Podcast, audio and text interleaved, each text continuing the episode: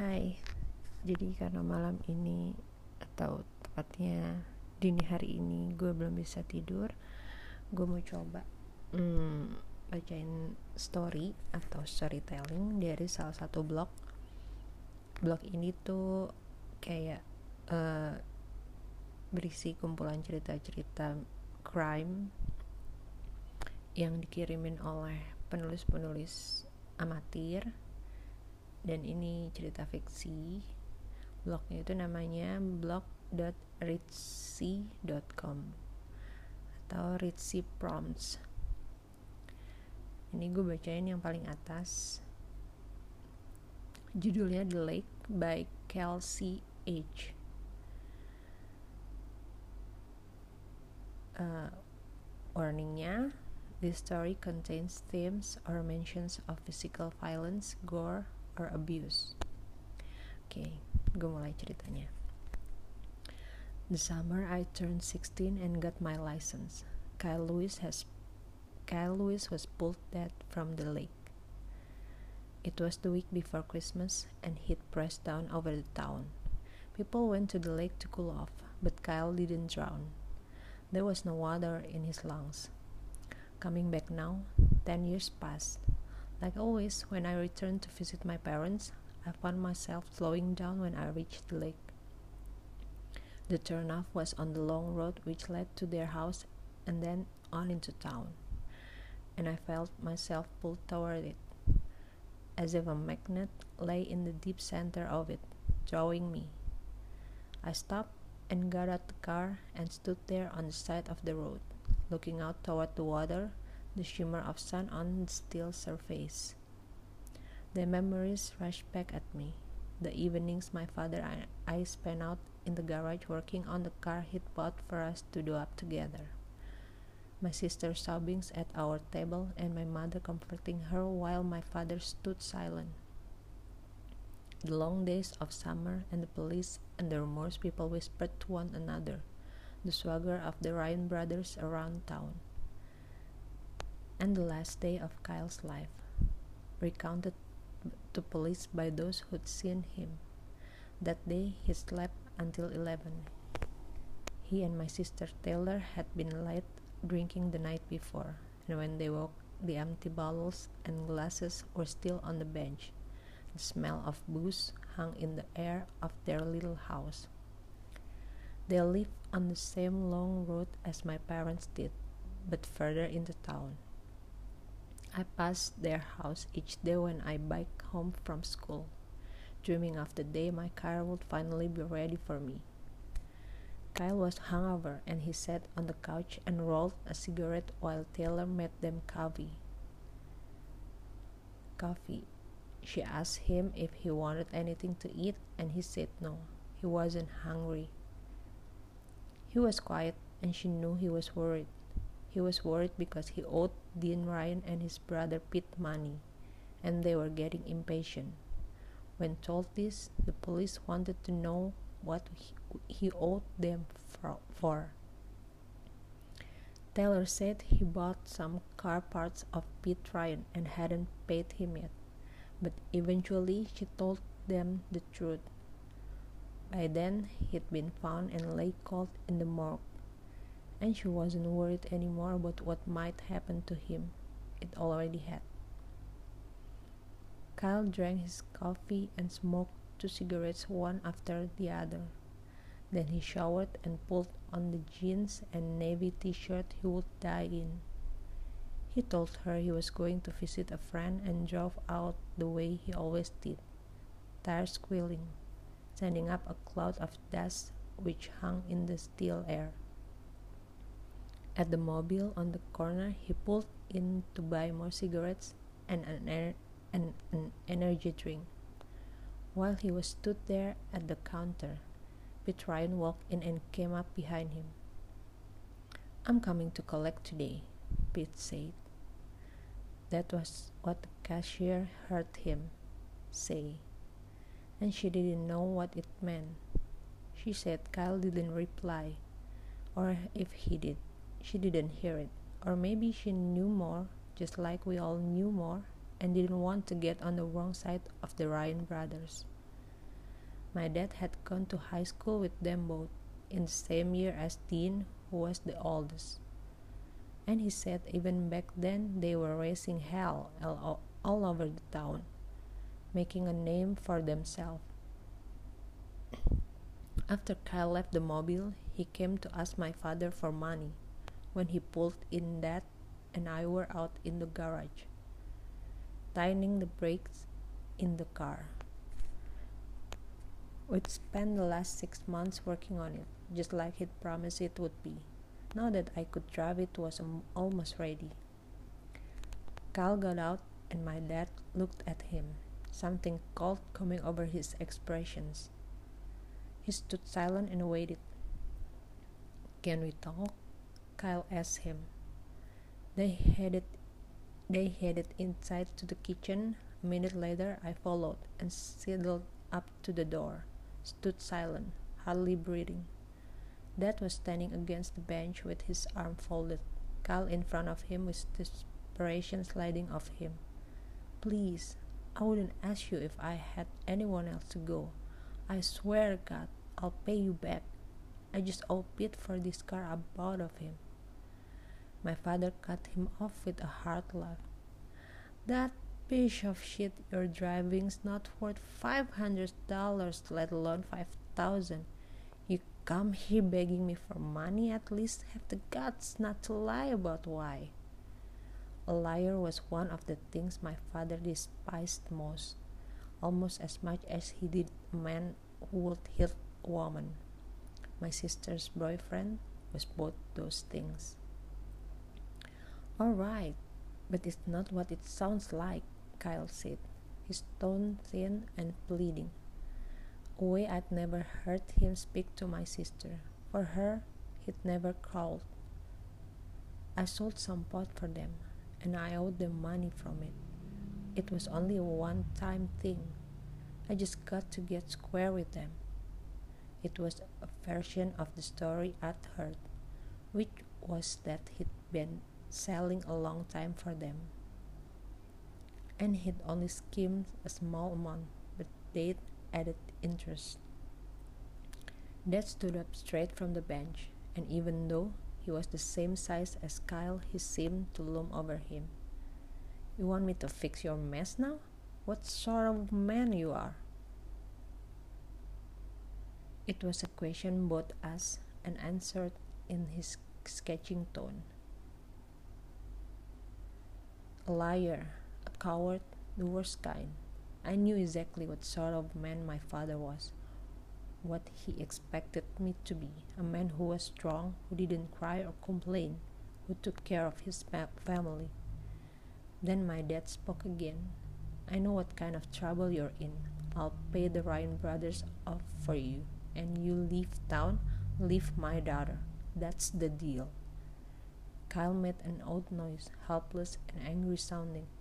You can just tell me to leave town. The words weren't all the way out, and my father had him around the collar, slammed him back against the wall. You think I give a shit if Dean Ryan finishes you off? You're in my house now, and if I ever see you so much as a scratch on my daughter again, I'll break both your arms. Then he stepped back folded his arms again, as if the moment had never happened. Everything felt still. The only sound was a fly buzzing against the window, loud and frantic. Kyle stayed slumped against the wall, a second, eyeing my father, indecision in his clenching and loosening fists. Then, without another word, he turned and left saw me there in the hallway, and his eyes met mine, knowing I'd witnessed it, his moment of humiliation. He pushed past me roughly, shoving his shoulder into me. I felt a shiver of apprehension then, not for myself, but my sister. My father had wounded him, and she would bleed for it. He left our house and went back to his driving fast up the long road which ran between us. He was tense when he got back, pacing and smoking in the kitchen. He and Taylor argued, she told the police. They argued because he asked if she would leave town with him, and she said no. She didn't want to leave her family. He told her if she really loved him, she would go with him. While they were arguing, she tripped over. She, she hit her face against the bench and split her lip. Later that day, Kyle drove the short distance into town and went into the pub which Dean and Pete Ryan didn't drink at. He got drunk and started talking big, saying he wasn't scared of the Ryan brothers. He had a knife and he was ready to kill whichever one came for him first. About nine in the evening, the doorman kicked him out. He was marched outside and told to walk it off and come back for his car in the morning. The doorman stood there and watched him leave. He was the last to see him before he was pulled blooded and broken bone from the water. His unsteady walk as he headed down the road which led to his own house and past that my parents' house, and if he kept going further, still the lake.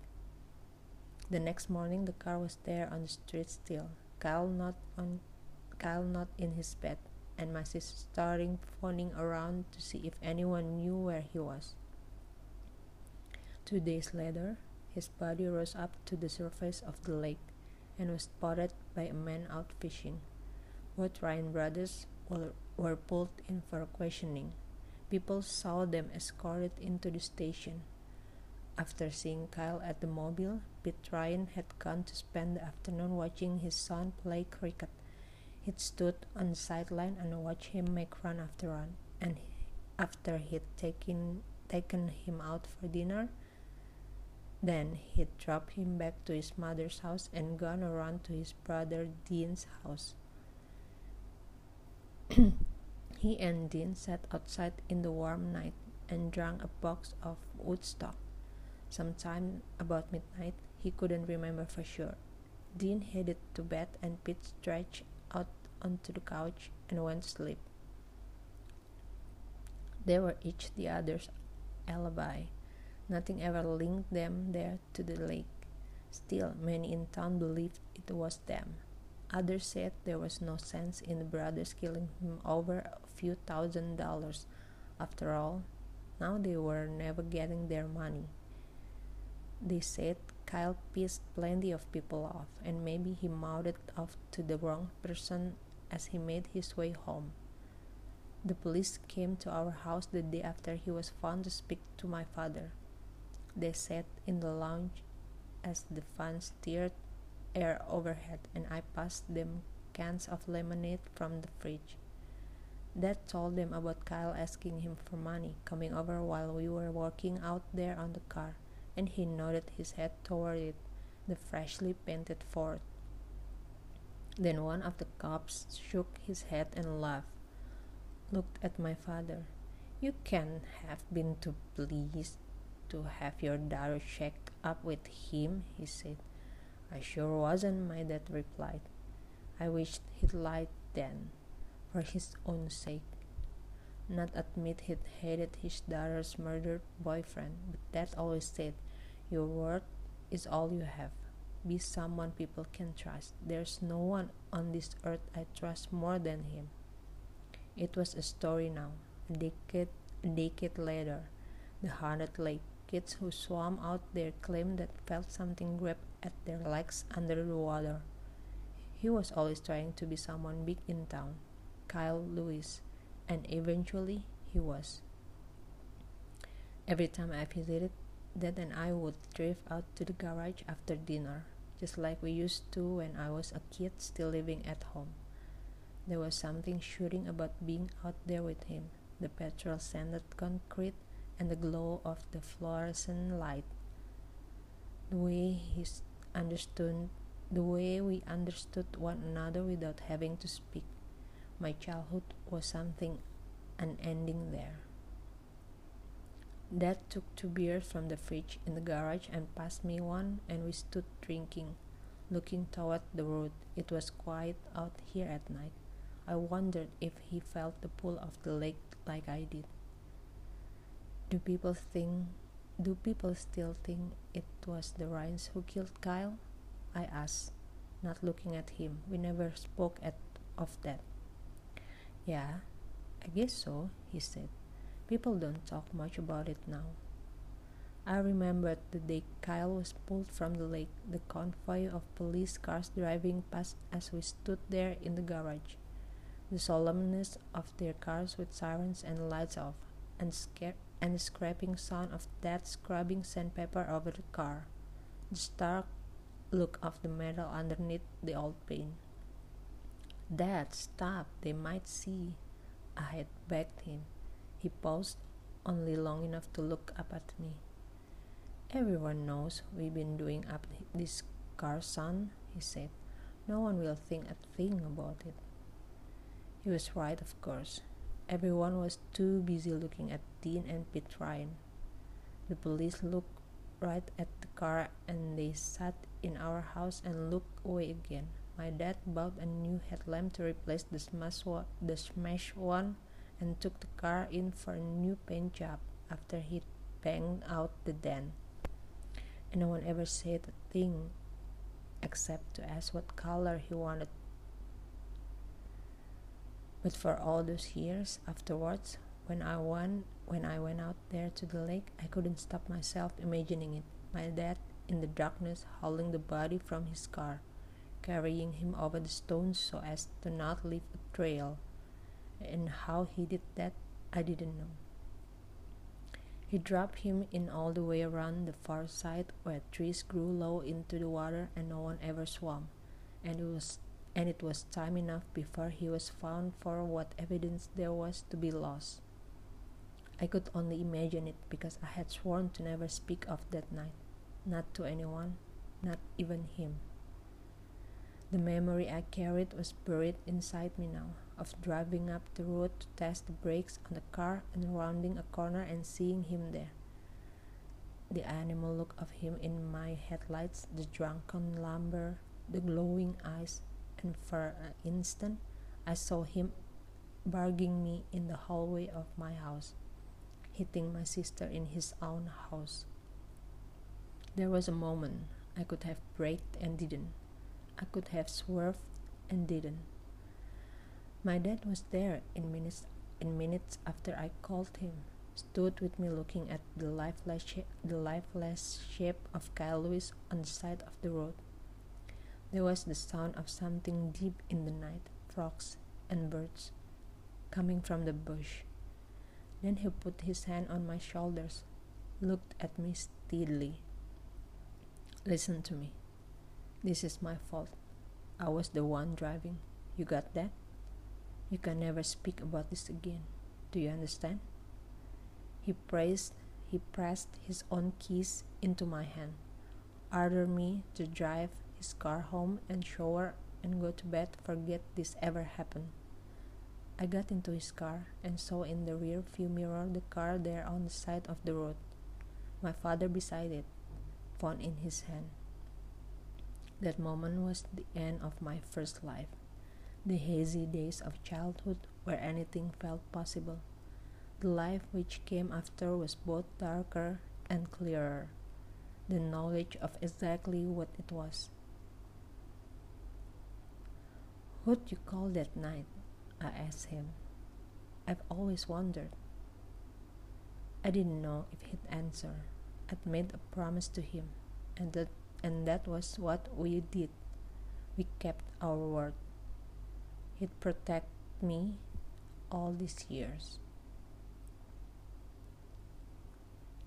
I called Dean Ryan, told him I'd hit someone on the road and I needed his help.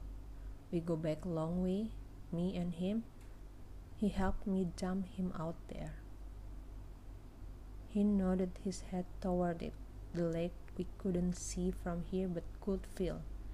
It was something which would always be there between us the dark magnet of the past pulling at us. What you have to do for him. Dean Ryan did no favors. What he gave, you paid for. My dad looked at me again, and I felt the weight of all the things I didn't know. It was bad for him. Everyone seeing Kyle still walking around after ripping him off. I paid, I paid off Kyle's debt to him, and he let people think what they wanted. I thought, I thought then of Ryan. I, I thought then of Dean Ryan's long silence, denying or admitting nothing, the silence which had which had grown between me and my dad, all of us bound by it. That night, I had known, as I always had, my father would do anything to protect me, because I knew what sort of man he was, one who took care of his own, same as I was. Jadi itu ceritanya kurang lebih menceritakan tentang uh, seorang anak yang nabrak pacar kakaknya. Sampai uh, meninggal. Tapi yang ngeberesin semuanya saya uh, the body atau mayatnya itu diberesin sama bapaknya dibuang ke danau di dekat rumah mereka. Dan uh, ya intinya polisi tidak bisa menemukan siapa yang membunuh gitu. Saya ya pakai cerita kayak gitu lah. Intinya sih kayak gitu. Kind of sweet. I mean uh, semua orang tua pasti akan melindungi anaknya gitu tapi ya uh, maksudnya kenapa anaknya bisa membunuh pacar kakaknya karena pacar kakaknya ini kayak suka nyakitin kakaknya semena-mena kayak begajulan gitulah. Kayak gitu. Oke jadi that's for tonight or morning. I don't know. Ya yeah, semoga suka. Thank you. So ini masih di short crime stories. Um, cerita kedua masih dari blog yang sama.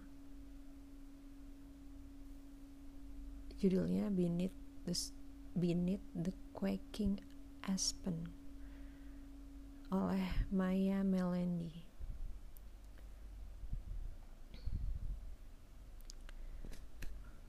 He buried her in the forest before the leaves of the quaking aspen turned golden. No one noticed the damp down soil, or the way the wild grasses died back all around her, or even the circle of whimsy brown mushrooms that erupted soon after. And when autumn came and the leaves changed, the trembling giant whose roots she fed turned scarlet instead.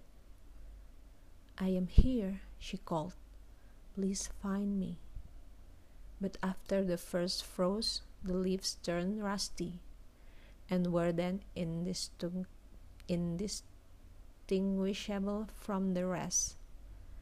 No one noticed her, buried in the forest beneath the quaking aspen snowballs, blanketing her in a cold white solitude with only her thoughts for company, and she wonders Does her family know she isn't coming home? Or do they maybe think she's just run away from it all? Does anyone suspect foul play? Or has he once again convinced everyone of his harmless temper? We argued. But I loved her. I never would have done anything to hurt her. Then why did she, the other woman, drive her car in neutral into the lake? She wonders what he'll say about her. We argued, but I loved her. She said she would leave me a hundred times, and I guess she finally did.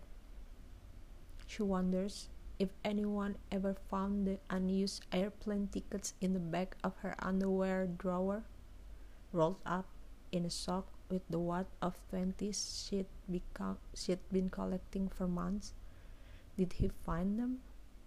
Is that why? Is that why she's rotting away in the earth now? Spring arrived, and the bugs returned, but she only has so much of herself, of herself left to give them. The grass grows back, greener than before and the roots of the quaking aspen snake through her ribs. He returns and steps on her grave, just with one foot at first. She thinks he's testing the ground or checking for bones sticking out of the soil. When he doesn't fall through, he stands on her grave fully. The pressure on her chest is unbearable but he already broke her heart once. When he breaks her ribs, she feels nothing. He steps off quickly, sheepishly, and reaches forward. He grabs a branch from the tree he buried her under and snaps it off with a quick tug. Is that is that how she died? She remembers his hands on her neck and then nothing else. It was so quick. They, they argued. She told him she didn't love who he was anymore, but she never got the chance to leave, like she'd planned to for months. He walks away with his souvenir, and she doesn't see him again for a long time. A million thoughts fill her up, and she wonders if she'll ever have peace from them. They never chased while she was alive, in her waking hours or otherwise, and now they continue even as her body returns to the earth. Restful oblivion, oblivion does not come to her, and she wonders, if not that, then when? Did Nikki worry when she didn't show up? Or did they just assume she never meant to arrive in the first place? Are they angry she broke her promise? What about her cat? Did they keep Mr. Jenkins? Is he healthy and happy with Nikki? And more than anything, she worries no one knew her thoughts in those final months because he stole her from her family and friends, stole her from her herself even. She'd said so many awful things to so, to so many people, and all they'd ever wanted was for her to be happy and safe. But she never listened, was too proud to admit she'd been wrong until it was too late. She almost doesn't recognize who she was in those final months anymore. Why does she even care? She's not anymore. She begins growing out of her broken body the following year and feels for the first time in a long time the gentle rays of sunlight beating down on her through the beating leaves of the surrounding quaking aspen trees. However, almost before she can appreciate the new sensations that come with being a sprouting aspen tree, a browsing deer strips her of her leaves, and then a hare finishes her off. But that's fine.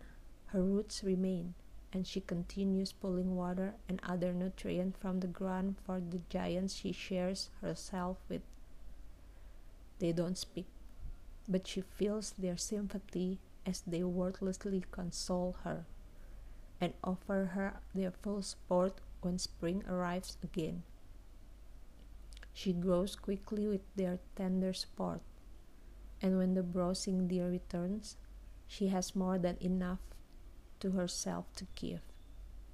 When they see him again, they almost don't recognize him.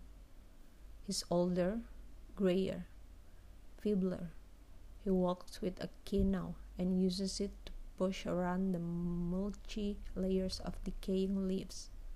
The top layer of soil has grown sugary over the years, and he has to hold on to branches as he steps up the incline or oris slipping. But he is himself still, and they could never forget his eyes, warm like honey, hard like ember, and sometimes colder than moonlight. Wrinkles and time have softened his piercing gaze, but they still feel it as he looks about. There's an un- unmistakable hint of sharpness, like raw edges on smooth river stones. He does not recognize them. They have grown up strong and tall since he saw them last, and the animal path he followed all those years ago has meandered ever so slightly off track. He is not lost, but neither can he find his destination.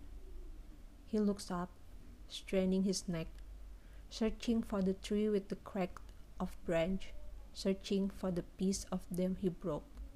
He turns around three full times, facing north after each spin.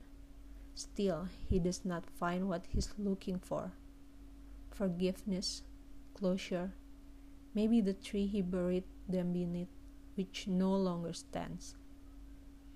It blew over some years ago when the summer storms came.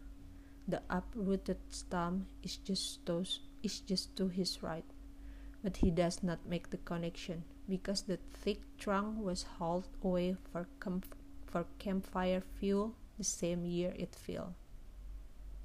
He leans against his cane silently stewing over his dilemma. He's never had much patience for anything, really. The wind rattles through their bare branches and a chill creeps through him. He shivers, hunching his shoulders again against the stiff wind, and lifts his cane. He turns right, shuffling through the frost laden leaves, and unknowingly walks over the grave. He stumbles over the exposed roots still attached to the rotting stump and falls hard. He lays there for a long moment, winded from his, from his rough landing. When he recovers enough to move, his shifting is accompanied by a low groan. He does not stand up, cannot stand up, and rolls onto his stomach searching for his cane in the leaves. He does not find it. It flew quite far when he fell. A crow caws overhead, and he curses while struggling to push himself onto his knee. One hand sinks into the frosty leaves and closes around something smooth and roughly the same diameter as his cane. He pulls on it, yanking it out of the ground after a couple of firm tugs. He's not as strong as he once was. A brown stained bone comes up, and he stares at it before flinging it away from himself with a startled cry. He finally calls for help, having accepted that he's too injured to escape the force of quaking aspen on his own. Help! he screams. Please, someone. But no one hears him, and each shout is more desperate than the last. Until he's screaming himself hoarse, sobbing between breaths. If a tree falls in a forest and no one is around to hear it, does it make a sound? The answer has never been more obvious to them than it is now. No one noticed him, fallen in the forest beneath the quaking aspen. Jadi itu ceritanya uh, jadi cowok menguburkan seorang cewek di uh, pegunungan Aspen kayaknya tapi dianya sendiri jatuh dan terjebak di sekitar situ gitu loh. Uh, bertahun-tahun kemudian gitu dia jatuh. Dan gak ada yang nolong. Jadi kayak karma gitu kali ya. Ya semoga ngerti ceritanya. Dan yang pertama itu gue agak buru-buru ngomongnya. Dan yang sekarang agak lebih gue lambatin. Thank you for hearing this I don't know what it's what is this tapi this is me just speaking and telling stories short stories. Thank you for listening